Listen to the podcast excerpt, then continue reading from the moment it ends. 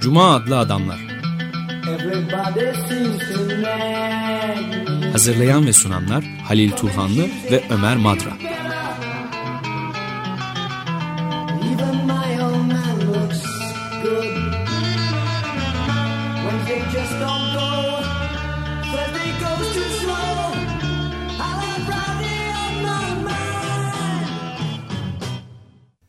Merhaba Açık Radyo dinleyicileri.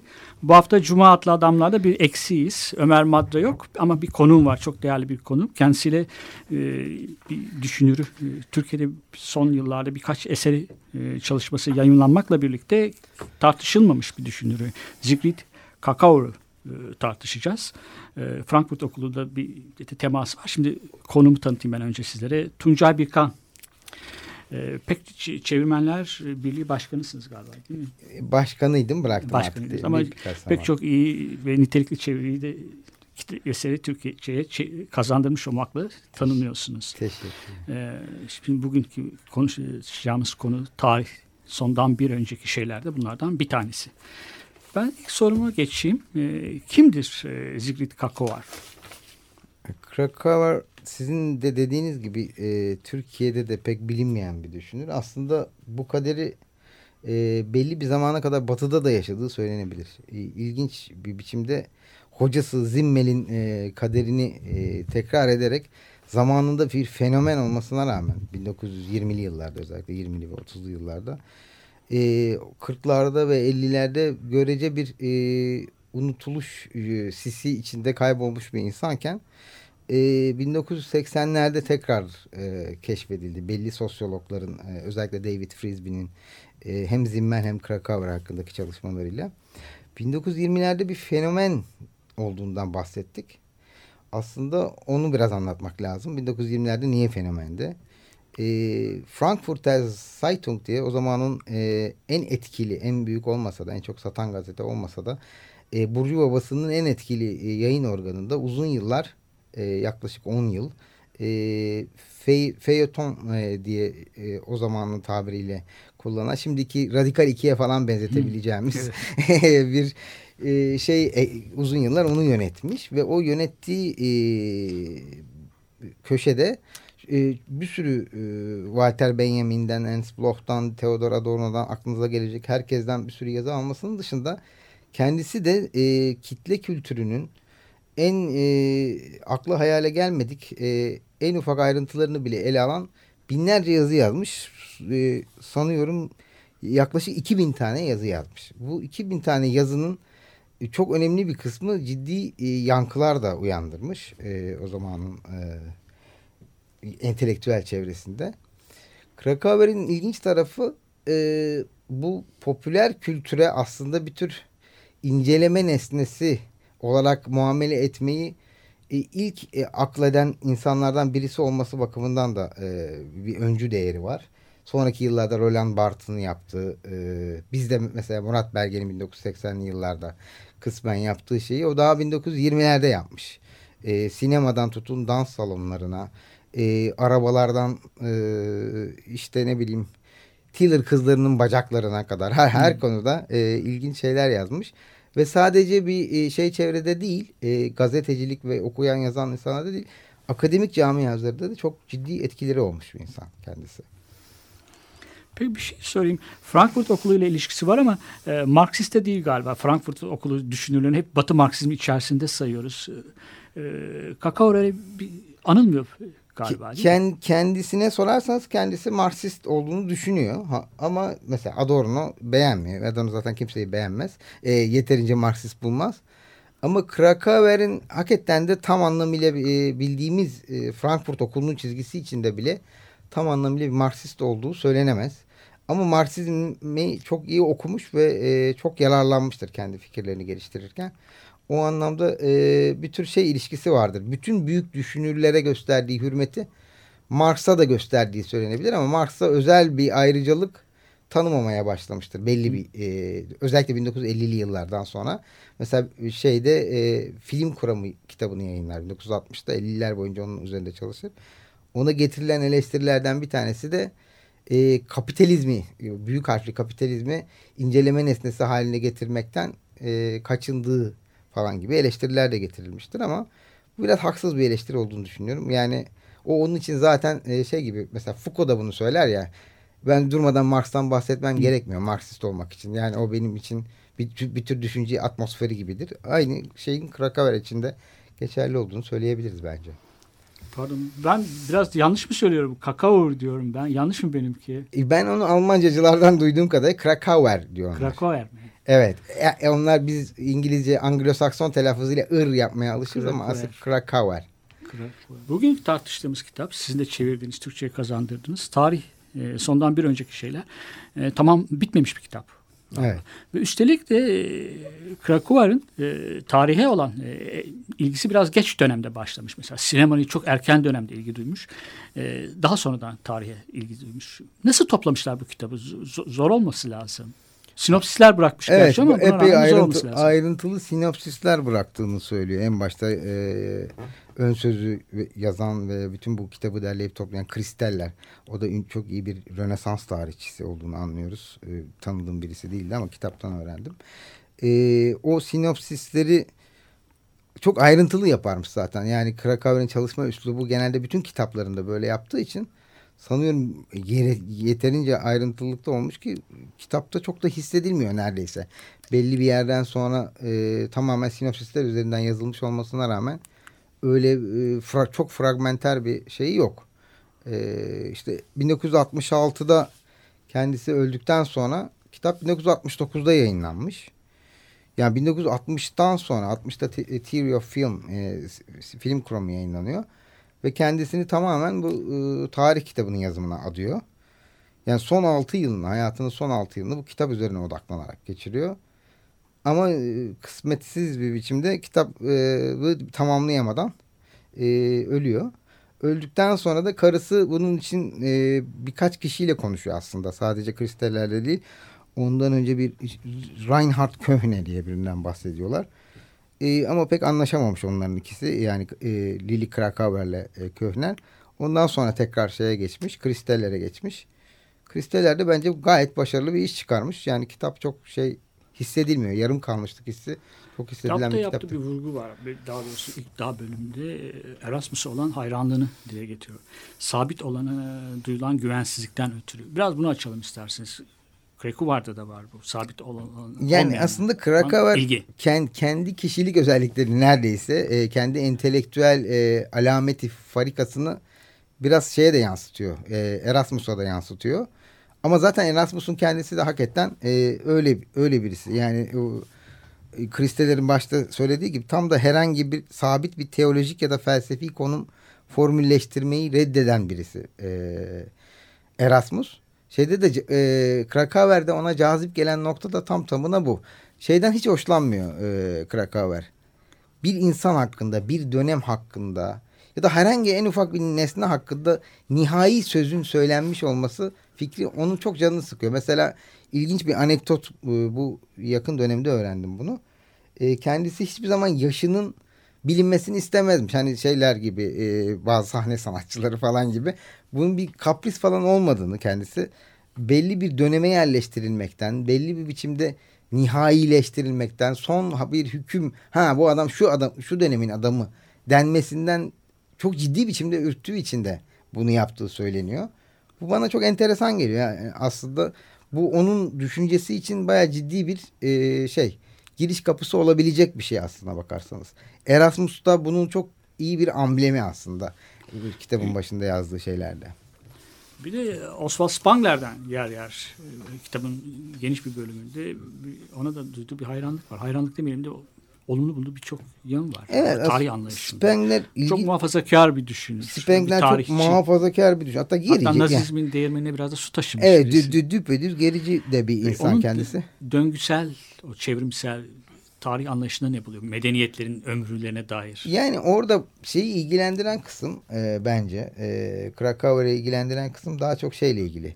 Çizgisel zamanın reddiyle ilgili. Onun asıl sorunu e, zamanın bu çizgisel bir e, doğrultuda aktığı e, yolundaki bilimin de çok kullandığı ve bir tür hegemonik hale gelen zaman kavrayışıyla ilgili. buna zamanında karşı çıkmış çeşitli düşünürlere zaten özel, o anlamda özel bir değer verir. Spengler'de de asıl değerli buldu. Hatta belki de tek değerli bulduğu şey o. Çünkü gerici olduğunu hatta bir yerde kendisi de söylüyor. Yani ona özel bir Spengler e, olduğu için bir gerici olduğundan doğayı evrimsel eğilimlerle kirletmekten kaçınır diyor mesela şeyin içinde. E, onu ilgilendiren kısım ya bu, bu belki buradan çizgisel zaman ve şeye de geçmek mümkün.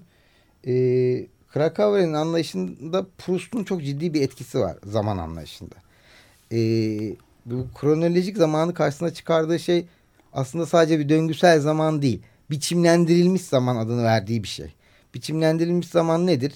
Ee, aynı zamansal dönemin içinde farklı farklı zamansallıklar olabileceği fikri. Onu ilgilendiren şey tam da bu. Yani Spengler'in de e, yaptığını söylediği ve hoşuna giden şey bu. Yani birkaç tane aynı dönemde yaşıyor olmanın e, aynı zamansallığı paylaşıyor olma anlamına gelmediğini kültürler özelinde gösterdiği için ona bir tür şey yapıyor. E, bir pay homage denir İngilizce'de. Bir, bir, bir tür selam çakıyor ama e, ondan ötesinde çok da mesela kültürleri bir paket haline getirmesi, e, başka kültürlerle etkileşimini çok da dikkate almaması falan gibi özelliklerden dolayı da eleştiriyor onu. Ama asıl onu ilgilendiren bu biçimselleştirilmiş, yani, e, şekillendirilmiş zaman dediği kavrayış. Bence gördüğüm kadarıyla.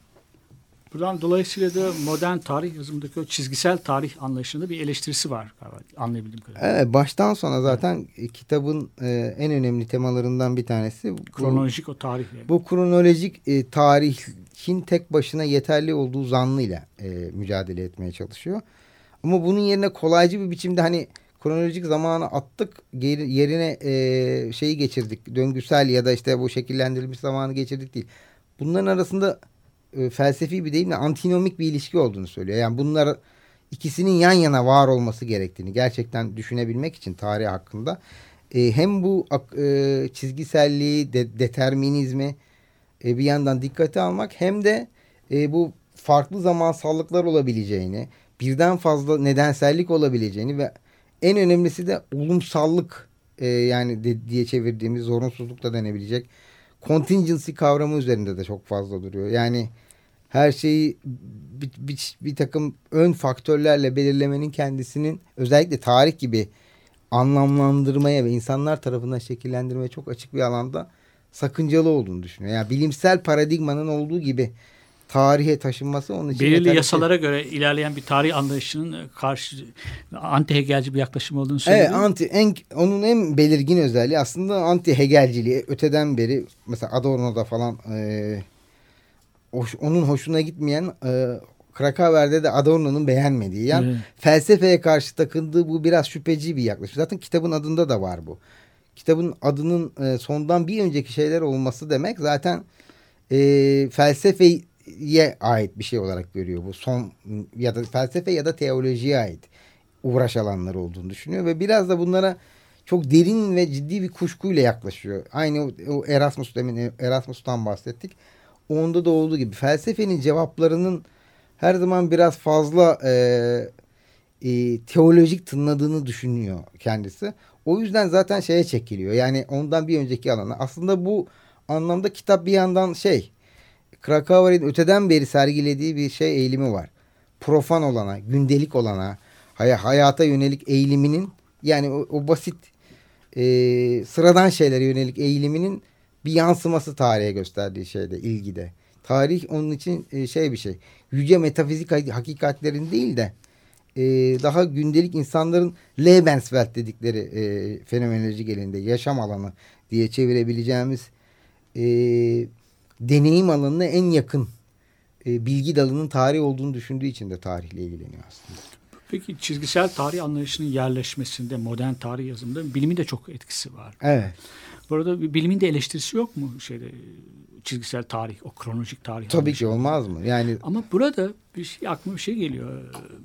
Frankfurt'un diğer Frankfurt Okulu'nun diğer üyeleri de Horkheimer'da mesela e, bilimden kesin çizgilerle ayırıyorlar. Bilim olmadığını söylerken. Onlarda da bir e, bilime karşı, çağdaş bilime, yani bilimin getirdiği e, gerek felsefe ve özellikle tarihe bir e, karşı çıkışları yok mu onların? Bir ortak noktaları yok mu? O anlamda var. Zaten aslına bakarsanız bir sürü Frankfurt Okulu'nun çok temel bir sürü önermesinin işte kapitalist rasyoya karşı normal insan rasyonelitesinin geliştirmesi falan gibi çok temel temaların aydınlanmanın diyalektiğinde özellikle geliştirilen aydınlanma eleştirisi anlamında kullanılan şey. Bunları tam da o demin bahsettiğimiz Frankfurter Zeitung'daki gündelik yazılarında birebir ele almış insanlar. Yani e, Krakauer. Krakauer'in onlardan hem zamansal olarak biraz önceliği vardır hem de bu tür temalara öncülük yapması bakımından da vardır. Yani e, şey değil bu bilimsellik eleştirisi ama yine de bence Krakauer'de biraz daha dengeli olduğunu düşünüyorum şeylere göre. E, Adorno ve Horkheimer'dekine göre. Çünkü onlardaki eleştirel eleştirilen bilim modeli biraz fazla 19. yüzyıl modelidir aslına bakarsanız. 19. yüzyılın aşırı belirlenimci, determinist e, biliminin akla getirdiği kısıtlamalar da onların çok fazla canı sıkar ama mesela kuantum fiziğindeki gelişmeleri de Weizsäcker örneğinden sık sık şey yaparak e, onun bu e, kuantum fiziğinin bu belirlenimci olmayan yönünü de mesela dikkate alabilen bir e, yanı vardır Krakauer'in. Biraz daha bilime, şeylere göre biraz daha açık olduğu söylenebilir. Ama sonuçta yine de aklı yani insanın e, kendini yaşamasında temel kılavuz olduğunu hala ısrarla düşündüğü e, aklı bil, sadece bilimle belirlemeye karşı olmasa bakımından önemlidir. Yani antipozitifisttir. Çizgisel tarih, kronolojik tarih e, Batı medeniyetinin bu böyle izah ediliyor, açıklamasında kullanılıyor, başvuruluyor. Genellikle yaygın e, paradigma e, öyle. Fakat burada bir, bir din bunun dünyevi bir şey, tarih anlayışı olduğu söyleniyor. Dünyevi zamana bakış olduğu söyleniyor. Ama belki de tam tersi de olabilir. Yani yasalara göre ilerleyen, kaçılmaz olarak bir, bir yöne göre ilerleyen bir tarih anlayışı. Hangisi geçer? Dünyevi mi? Yoksa o sarmal olan mı asıl dünyevi olan mı? Ya da hangisi daha dinsel, daha mesyanik beklentilere açık bir tarih anlayışı? Yani mesyanik beklentiler konusunda oradan başlayalım belki de. Ee, bir Benjamin'e göre şey çok daha e, fazla e, ihtiyatlı yaklaşır bence e, Krakauer'in. En azından kitaplarından gördüğüm, okuduğum iki üç kitabından gördüğüm kadarıyla. E, ondaki döngüsel tarih e, vurgusu çok şey değildir. E, sadece bu kronolojik zamanı kırmak için başvurduğu bir metafordur. Ona özel bir e, şey yüklediğini düşünmüyorum ben şahsen. Yani öyle ki teolojik denebilecek anlamlara kadar asla vardırmaz. E, benim hissettiğime göre bildiğim kadarıyla. Peki bir ara verelim bir şarkı e, verelim. Biraz soluklanalım. Siz de soluklanalım. Dinleyicilerimizle. E, Firewater topluluğundan e, Rolling Stones'un çok tanınmış bir klasiğini, bilinen bir klasik parçasını yorumlayacaklar bize Firewater. Painted Black.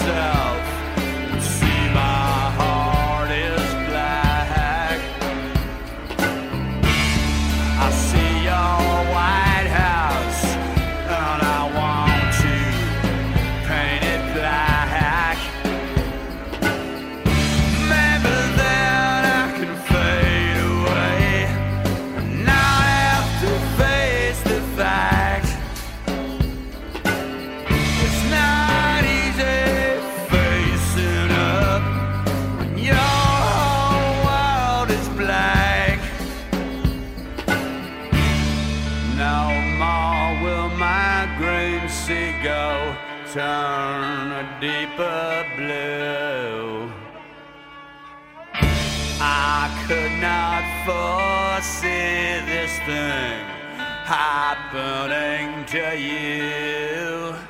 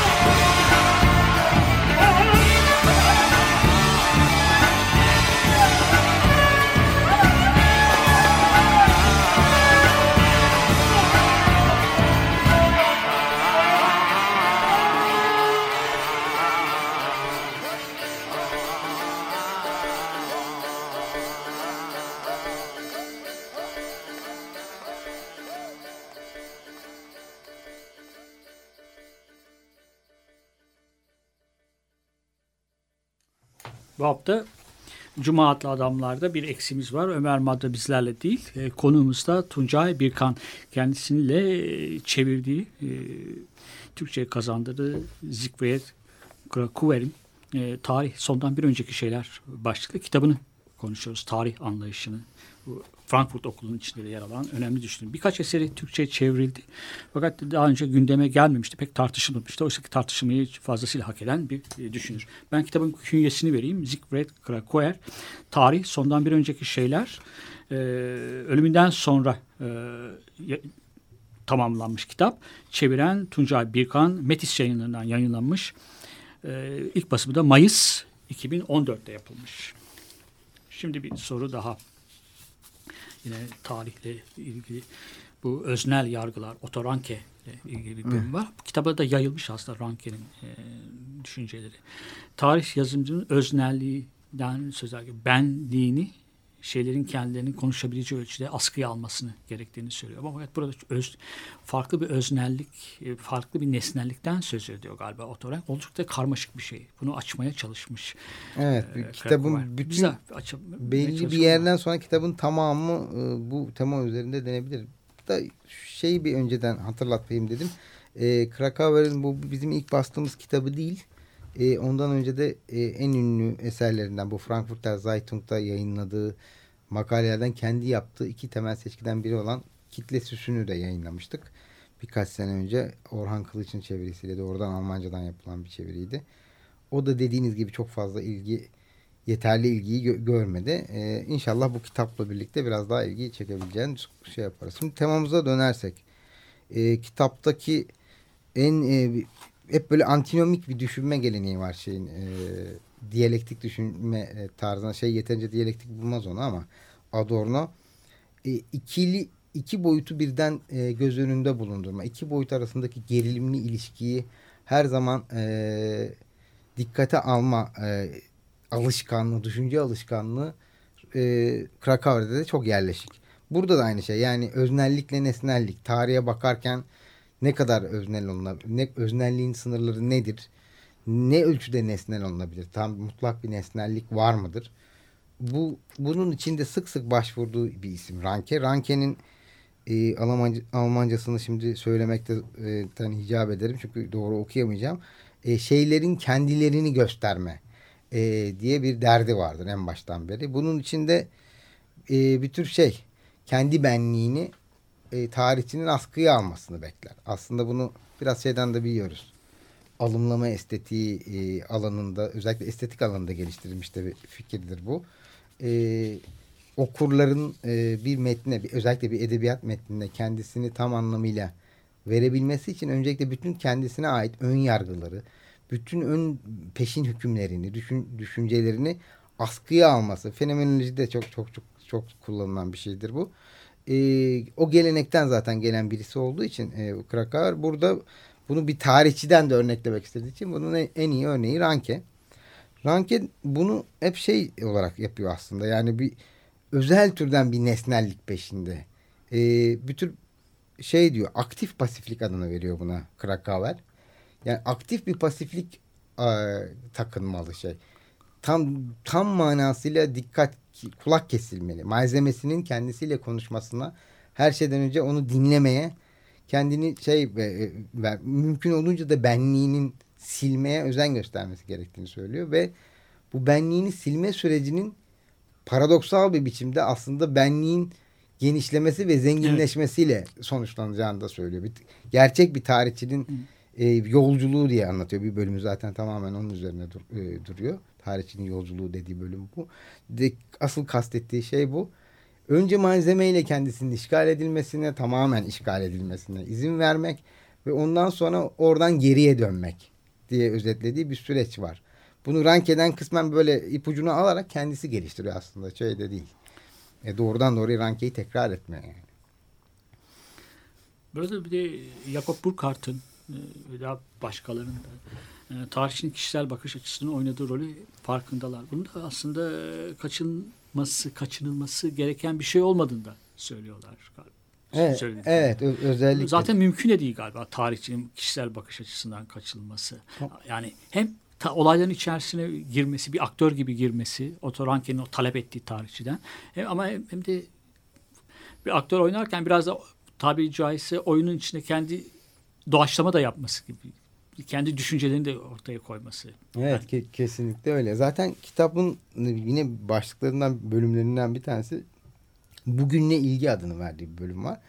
Orada da Croce, Croce ve şey e, Collingwood üzerinden e, tarihçinin her zaman kendi e, içinde bulunduğu toplumsal ortamın kaygılarıyla geçmişe yönelip baktığı yolundaki tezle de çok hesaplaşıyor şey e, Krakauer. Bunu son derece sakıncalı buluyor. Yani tarihe sadece bugünün dertleriyle baktığımız zaman oradan aslında çok da bir şey göremeyeceğimi söylüyor. Demin bahsettiğimiz o kendi kendini silme e, ediminin arkasında yatan en önemli şeylerden bir tanesi tam da bu bugünle ilişkiyi de askıya alma ve bugünle ilişkiye sonradan dönme kaygısı. Bunun ben bizim Türkiye'de yaşadığımız tartışmalar açısından da son derece önemli olduğunu düşünüyorum. Türkiye'de biliyorsunuz tarih yazımları herkes şu anda bulunduğu konuma göre kendisine çok rahat tarih yazabiliyor. Kitabın bence e, güncel bir yanı da var o açıdan. Evet. Türkiye'de çünkü tarih her zaman özel bir merak konusu olmuştur. Peki. Ee, farklı düşünürlerin, farklı felsefecilerin tarih anlayışları var. Ee, değişik ideal e, tarih yazımı, tarihçi tanımları var. E, Krakauer bunlardan hangisine daha yakın? E, bize bir tarif, bir formül vermemekle birlikte, kesin bir şey yapmamakla birlikte hangisine daha yakın? İdeal tarihçi dediğimizde özdeşleşmemekle, bütünleşmemekle birlikte. Hep bir takım e, tarihçiler var. Kitabın ilginç taraflarından bir tanesi aslında tarih felsefesi kitabı olmaması. Yani burada tarih felsefesi o baştaki e, felsefeye duyduğu kuşkuyla da ilgili bir şey. Mesela Hegel yok burada. E, Hegel gibi başka diğer düşünürler yok. Tarihin e, bir doğrultusu olduğunu, bir teolo teleolojisi olduğunu, yani belli bir hedefe doğru aktığını söyleyen kimse yok. Marx'ı da böyle gördüğü boyutlarda onu da reddediyor. E, teleolojik olduğunu düşündüğü yerlerde. O yüzden de daha çok ta belli tarihçiler üzerinde duruyor. Yani tarihçilerin kendi mesleklerini icra ederken, kendi e, e, işlerini yaparken kendiliğinden geliştirdikleri düşünceler aslında onu daha çok ilgilendiriyor. Ve bu bapta da sanıyorum en çok e, e, Mark Bloch'la Huizinga'ya yakın olduğunu ben hissediyorum. Onlar mı yakın diyorsun? Bana öyle gibi geldi. Onun dışında e, belli yerlerden etkileniyor. Mesela Neymir'den etkileniyor. E, Butterfield'dan etkileniyor ama onlardaki aşırı metodolojik bireycilikten de haz etmiyor şey. E, Krakauer. Çünkü kendi içinde yetiştiği iklim buna müsait değil. Bir yandan o Frankfurt okulundaki özellikle Lukaç'taki diyelim bütünlük e, kaygısına eleştirel bakıyor. Bir şeylerin bütünleştirilebilmesi şeysi e, yani bir şeylerin anlamlı olabilmesi için illa bir bütüne yerleştirilmesi gerektiği fikri onun hiç haz ettiği bir fikir. O tam tersini düşünüyor. E, bütünden değil de tikel olandan, en önemsiz olandan, e, en profan olandan hareket ederek bir, bir şeylerin hakikatine ulaşabileceğimizi düşünüyor.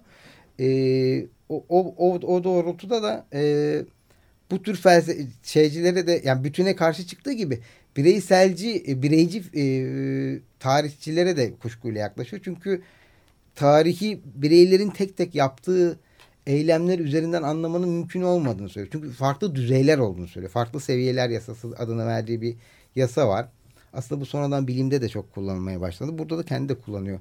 İngilizce'de daha yerleşik bir şey var. Emergency adı verilen bir olay. Yani belli bireylerin yaptığı şeyler üst üste geldiği zaman bunlar artık farklı bir kendilik haline gelmeye başlıyor.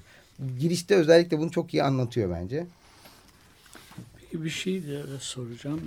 Demin sizin e, Oswald Spangler'la ilgili soruya verdiğiniz cevaptan biraz bana Vico anımsattı. Evet ondan yani, da bahsediyor. E, farklı medeniyetler, farklı tarihsel gelişme çizgileri olmakla birlikte ikisinde de bir ortak yön var gibi geldi bana. Fakat e, Spangler'de bir şey var. Bazı medeniyetleri, bazı uygarlıkları e, yukarıdan bakmak, bazılarını üst bir değer atfetmek, bazılarını aşağı daha aşağıya çekmek e, böyle bir şey var. Ama bir benzerlik de var gibi galiba. O holoz sarmal tarih anlayışıyla Vico'nun evet, medeniyetlerin ömrüne ilişkin kesinlikle olduğunu konusunda. söylüyorum. Zaten orada aslında Krakauer'in kendisi de Spengler'den çok oradan başlıyor. Çünkü e, 20. yüzyılda en azından bunu ilk dile getiren kişinin Vico'dan uzun yıllar sonra onun o olduğunu düşünüyor ama ondan hemen Toynbee'ye geçiyor. Arnold Toynbee. Bizde ya de evet, Toynbee. E, eser, eserleri olan. Çünkü Toynbee de hemen hemen e, benzer e, şeyler söyleyen bir insan. Yani bu farklı zamansallıklar olduğunu, işte farklı kültürlere medeniyetler diyor daha çok. E, şu anda da biraz güncellik kazan, kazanan e, temalardan bir tanesi bu. Medeniyetler e, halinde paketler olarak düşünme şeyi. Bu çok tehlikeli de bir yaklaşım biliyoruz. Bu e, Batı medeniyetinin çöküşü. Evet. O Spangler Türkçe'ye yıllar önce çevrilmişti ama çok tartışmalı bir kitaptır. Ona şöyle bir şey Lewis Mumford'un hatırlıyorum yerden yere vurmuştu bir yazısını okumuştum ben. Haklı, haklıdır. Fakat e, tabii tarihçi değil, bilim adamı da değil ama e, William Burroughs'un ilk kitaplarından bir tanesiymiş o. Bütün arkadaşlarına e, Batı'nın çöküşünü, evet. Batı uygarlığının çöküşünü veriyormuş. Onlar da İlginç bir şey. Yani e, belirli bir, bazen e, çok sağda demin de söylediğimiz gibi Nazizmin ideolojisine çok yakın bir insan. E, fakat bazen de tam da orada yerleşem yerleştiremedi. Sabit olmayan birisi. Evet hep öyle. As aslında bu biz, bizdeki çok belki kaba bir örnek olacak ama biraz Peyami Safa'ya benziyor. Peyami Safa da şeydir evet. e, böyle bayağı faşisttir aslında bakarsanız 1940'lı yıllarda ama oraya sığmayan bir fazla enerjisi vardı. Bir fazla üslubu, bir dil zenginliği, bir coşkusu evet. ve böyle hayatın temel meselelerine dokunabilen bir yanı da vardır. Yani faşist estetiğin de kendine özgü bir cazibesi vardır ki buna modernistlerin çoğu da yer yer mesela D.H. Lawrence da zamanında kapılmıştır. İşte e, Selin'de de vardır falan filan. Evet. Spengler de onlara da zaman zaman e, cazip gelmiş bir insan bildiğim kadarıyla. Bir ara daha veriyoruz. Bir parça çalacağız. Bu sefer bir Bob Dylan e, yorumu. Woven Hand topluluğu yorumlayacaklar. As I Went Out One Morning.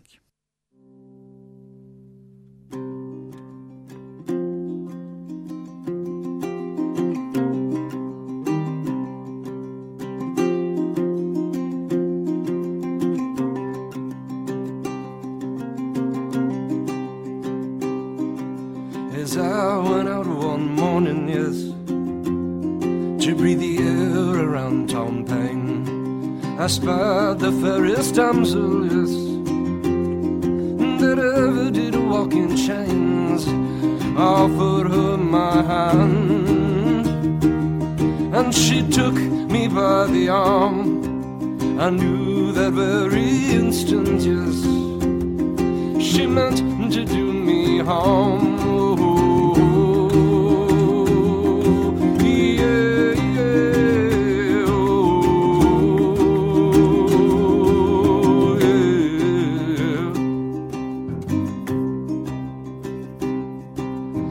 Depart from me this moment. I told her with my voice, said she, but I don't wish to know. And said I, but you have no choice. I beg you, sir, she pleaded. From the corners of her mouth, I will secretly accept you, yes. And together we'll fly south. Oh,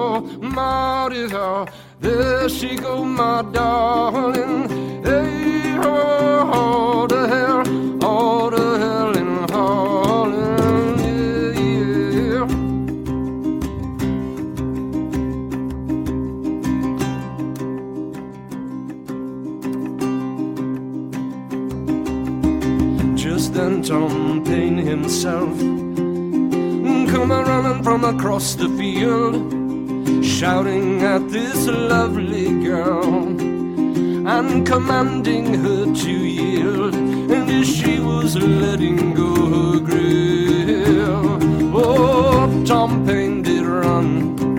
I'm sorry, sir, he said to me. I'm sorry for what she's done. Oh,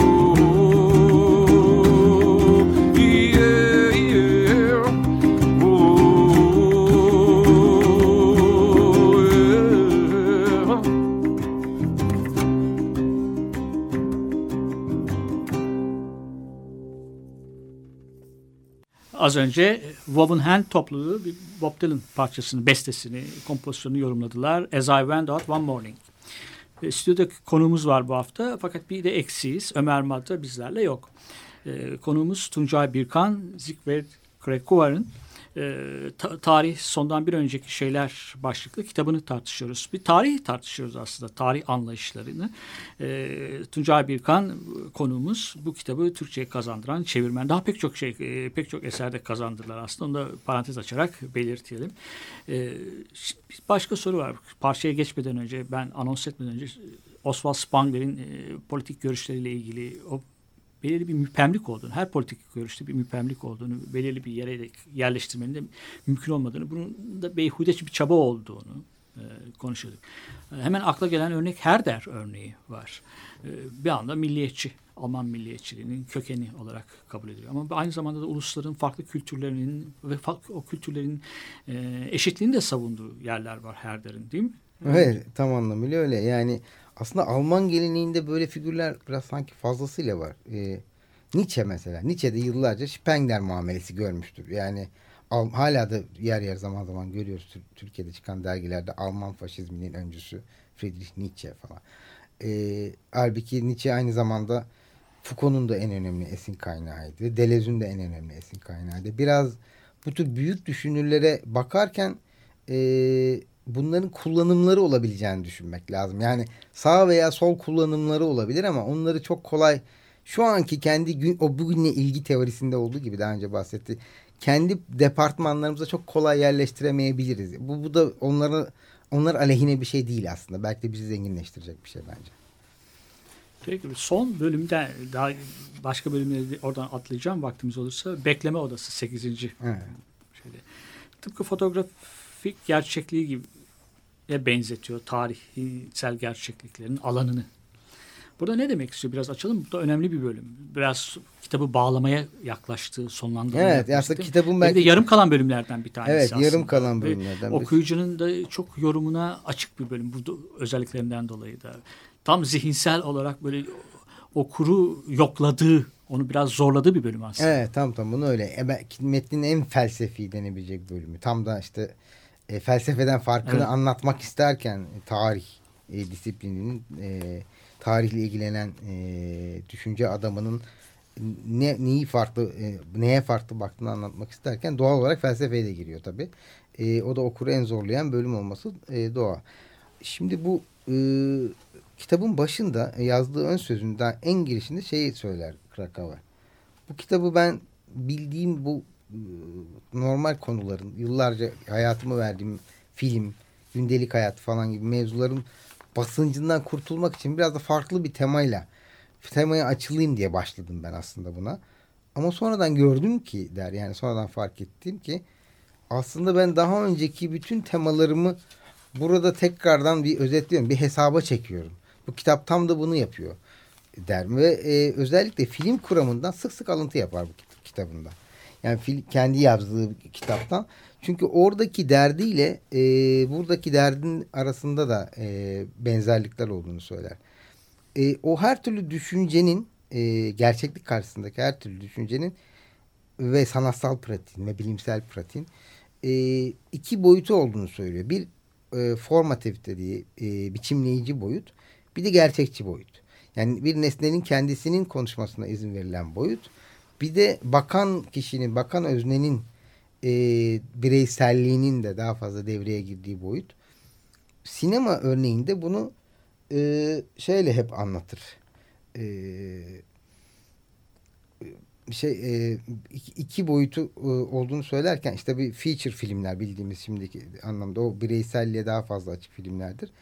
Bir de belgesel filmler üzerinde durur. Gerçekçiliği, gerçekliğin kendisinin konuşmasına daha fazla izin verdiğini düşündüğü filmler ve sanki gönlü de biraz daha çok da o şeyin e, içinde de bir tür gerçekçi dediği şey o. Bu gerçekçilik terimini de mesela Adorno pek şey bulmaz. E, tatminkar bulmaz. 1964'te e, Krakauer hakkında yazdığı bir yazı vardı. Bir tür tribute yazısı gibi. E, hem onu övmeye çalışır ama hem de aslında alttan alta çok derinden eleştirdiği için e, Krakauer'in epey kızdığı söylenir buna ve hatta kitapta da o da negatif diyalektiği bir şeyde harcar. Bunlar için dedikodu boyutu. E, o anlamda aynı şeyin tarih içinde geçerli olduğunu söyler. E, demek ki şeye dönersek o biçimleyici ve gerçekçi eğilim ve bunların bir ikisinin birbirini dengelemesi gerektiğini söyler. Hep aslında şeydir. E, şey bunu yeterince diyalektik bulmaz Adorno. İki kutup arasında hep bir üçüncü yol bulmaya çalışır. Ya da onları birleştirmeye çalışır e, Krakauer. E, Adorno da bunu fazla basit bulur. Yani he- hemen her yerde aynı şeyi yaptığını falan söyler ama ben e, bunun daha böyle e, hepimizin hemen hemen gündelik hayatta yaptığımız bir şey olduğunu düşünüyorum. Yani bana o da gene anti filozofluğunun, anti felsefeci yanının e, bir belirtisiymiş gibi, bir uzantısıymış gibi geliyor bu şeydeki tavrı. Tabii daha başka şeyler de, e, analojiler de yapar. Mesela e, yakın çekimler ve uzak çekimler e, filmde kullanılan şeylerle mikro tarih ve makro tarih arasında da bir tür analoji kurar. E, gerçekliği görebilmemizi sağlayan bunlardan herhangi bir teki değildir. İkisinin birden gidiş gelişlerle kullanılmasıdır. O yüzden de mikro tarih boyutu eksik olan makro tarihlere, genel tarihlere biraz e, fazla spekülatif bulduğu için kuşkuyla yaklaşır. Ama öte yandan ayrıntının içinde kaybolmuş, e, tikellerde boğulmuş şeylerde onun için bir şey demez. E, o, o da ona yeterince anlamlı gelmez.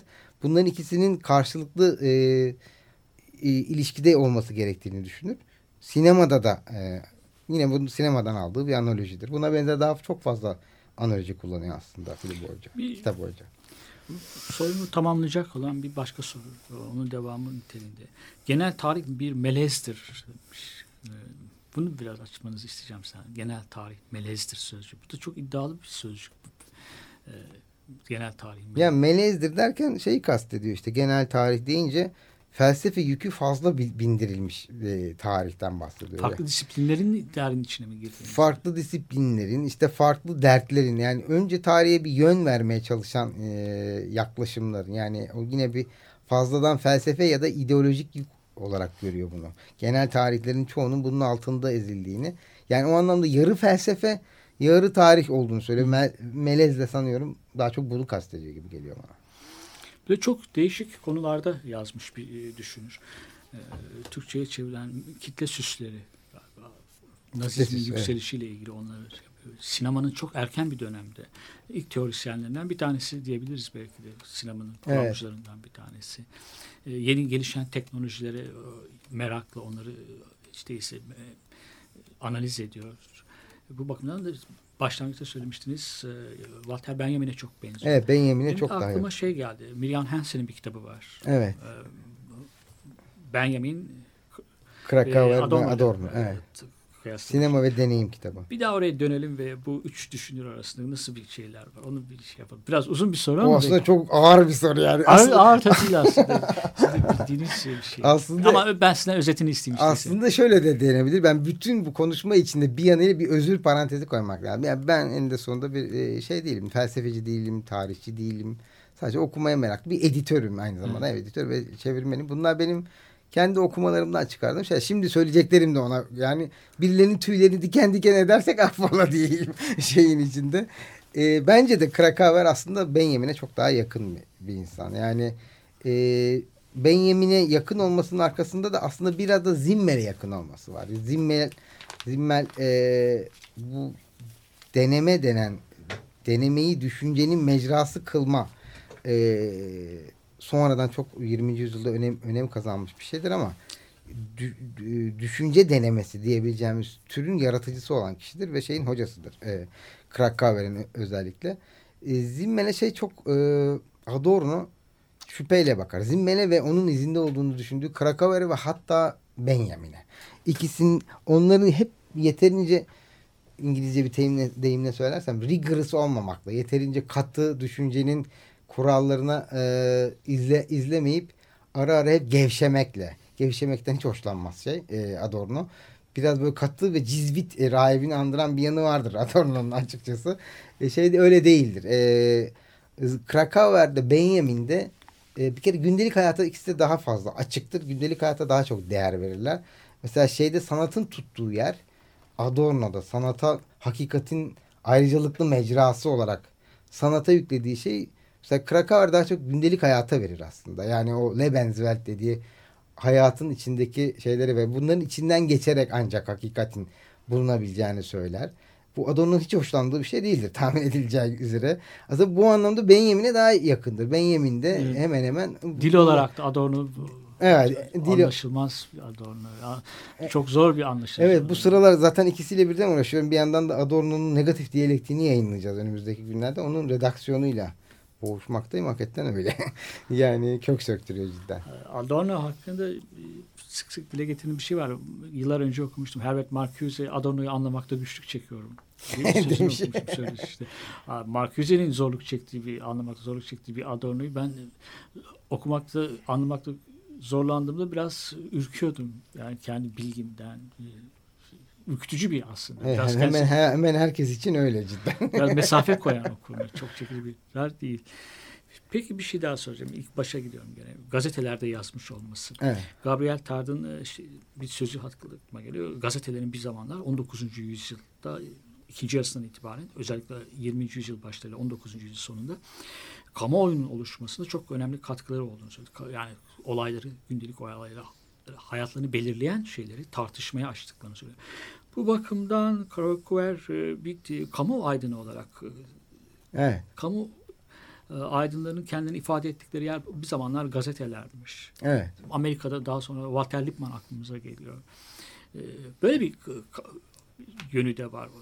Adorno'nun bildiğim kadarıyla çok fazla gazetelerle pek şeyi yok. Gerçi radyolarda da var. Evet radyo Ama konuşmaları var ama ga- gazeteler konusunda yok hakikaten. Öyle bir yönde var galiba. Yani Krakauer'in hakikaten bu anlamda çok özgün bir yeri var. Ee, gazetede yazıyor olmak ona bir tür şey de ta- sağlıyor tabii. Bir rahatlık da sağlıyor. Bel şey değildir Krakauer. Hiç akademisyen değildir. Hiçbir zaman akademisyen olmamıştı. Mimarlık eğitimi görmüştü. Belki biraz da biyografik ayrıntılarına girme imkanı verir bu soru. Ee, mimarlık eğitimi gördükten sonra bir noktada Zimmel'in e, teşvikleriyle yavaş yavaş sosyolojiye kaymaya başlar ilgisi. E, ve bir noktada da gazeteci olur. Yani biraz hasbelkader olur gazete, e, gazeteye girer. Ve Frankfurter Zeit- Zeitung şey bir gazete. E, Alman burjuvazisinin gazetesi. E, daha çok da Yahudi burjuvazinin Evet, gazetesi. Frankfurt Yahudi E, çok Hitler'in mesela Mein Kampf'ta özel olarak saldırdığı Yahudi basınında en çok zikrettiği ve en çok saldırdığı gazetede o gazeteymiş. E, onu da öğrendim ya- yakınlarda bir yerde bir okuduğum bir şeyden. E, o gazetede yazmakta özellikle de ısrar etmiştir e, Krakauer. Hafif sağ eğilimli bir gazete olmasına rağmen ve Krakauer o yıllarda sonraki e, yıllarda aldığı şeye göre çok daha solda bir pozisyonda olmasına rağmen özellikle Burjuvazi ile konuşmayı e, e, önemsemiş ve orada kalmak istemiştir. Ya 1930'lu yıllarda bile 19 tam aslında en sonunda atılmıştır orada. Ya 1933'e zaten e, herkes bütün e, muhalif Alman aydınlarının Almanya'yı terk etmek zorunda kaldığı zaman Krakauer'de terk etmiştir ama ondan oraya kadar ondan önce gelen bütün tekliflere rağmen şeyi reddetmiştir. E, sol bir gazeteye gidip kendisi gibi olan insanlarla konuşmayı reddetmiştir. Bir tür kamu aydını figürünü o anlamda ilginç bir örneğidir şey. E, kendisinden olmayan insanlara konuşmayı daha anlamlı bulmuştur. E, bu da mesela bence önemli bir şey bu yanıdır Krakauer'in. Peki bir şey soru daha. Burada Ranke'ye duyduğu özel ilgilerden bir tanesi galiba onun e, tarihin penceresinden bakarken diğer disiplinlerden de çok yararlanmış olması. Sanattan, sanat felsefesinden, Evet, bilimden. evet. Bu çok e, tarih bakışını zenginleştiren bir şey galiba ilişki. Ranke'ye duyduğu ilgide bu etkisi Kes, var mı? kesinlikle var. Zaten kendisi de ya bütün yazdıklarında son derece disiplinler alır. Bu sonraki bir terim aslında. Onun onun belki de icat eden kişilerden biri olduğu bile Evet. söylenebilir düşünce alanında Krakauer'in. Hiçbir alanda şey kalmaz. Yani uzmanlık kültüne karşı özel yazıları da var vardır zaten. Yani Aydın'ın misyonunu falan tartışırken belli uzmanlık alanlarına kapanmış e, entelektüellerden hiçbir fayda Evet. gelmeyeceğini e, entelektüelin kendisinin dışındaki alanlardan beslenmesi, kendi temel alanın dışındaki alanlardan beslenmesi gerektiğini özellikle Son bir şey vurgular. daha sorayım. Ee, Başka kitap, maaşlar var galiba kitabı. Çevir, çevirmeyen önemli yapıtlardan birisi o kaldı. Evet bir, bir o var. Şimdi film kuramı işte çevrildi bizde. Ee, önümüzdeki aylarda onu yayınlayacağız. Ee, çok iyi bir çeviriyle yine İngilizceden çevrildi. Bir de o andığımız, demin andığım o Miriam Hansen'in kitabı ve daha başka kitaplar. Miriam Hansen'in kitabı da benim aslında Onlar düşündüğüm böyle şey. zor düşünürleri e, anlamada bir giriş olarak önemli. Onları çevirmek de bence Öyle. olmazsa olmaz gibi geliyor bana. Ama bunlara işte çevirmen Aç- bulmak mesela o hak- ilişkiyi görebilmek açısından Benjamin'le Adorno ve diğer Frankfurt Biz o konuda da özellikle şey yapıyoruz aslında. Biraz da Metis reklamı yapayım. Hazır yeri gelmişken. Ee, mesela Frisbee'yi tam da bu modernlik fragmanları diye bir kitabını yayınladık. Onun alt başlığında zaten Zimmel, Krakauer ve e, Benjamin'in adı vardır. E işte onun dışında e, tarihin fotoğraf e, fotoğraf olarak tarih üzerine tezler Eduardo Cadava'nın kitabını yayınladık. Susan Buckmore'ları yayınladık. Bunların bir birinci sınıf e, tefsir diyebileceğim nitelikteki kitapları yayınlamak bizim özellikle istediğimiz bir şey ve buna da devam etmek istiyoruz hakikaten. Peki programımız bitiyor. Ee, Sonuna geldik. Bu haftaki konumuz Tuncay Birkan'dı. Çok iyi bir çevirmen. Hep, e, düşünce pek çok kitabı da Türkçe'ye çevirmiş olan birisi. Kitaplarla e, haşır neşir olan insanların çok yakından bildikleri bir isim. E, Sigrid Krakauer'in Tarih Sondan Bir Önceki Şeyler adlı kitabını konuştuk. Kendisi bu kitabın e, çevirmeni ve e, editörü de bu bölümün değil mi? Felsefe kitaplarının. Evet, evet. E, non fiction Peki çok çok teşekkür Evet, evet. ederiz. Ee, geldiğiniz Ben teşekkür için. ediyorum, fırsat Aydınlatıcıydı oldukça söylediklerinizde. Ee, The Sea and the Cake topluluğunun e, Jacking the Ball adlı parçasıyla bu haftaki programı kapatıyoruz. Second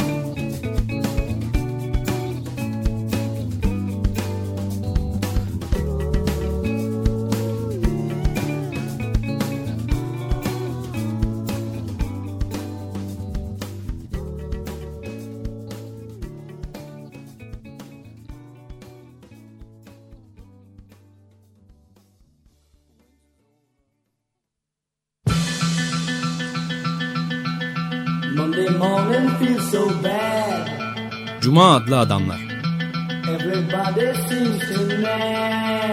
Hazırlayan ve sunanlar Halil Turhanlı ve Ömer Madra.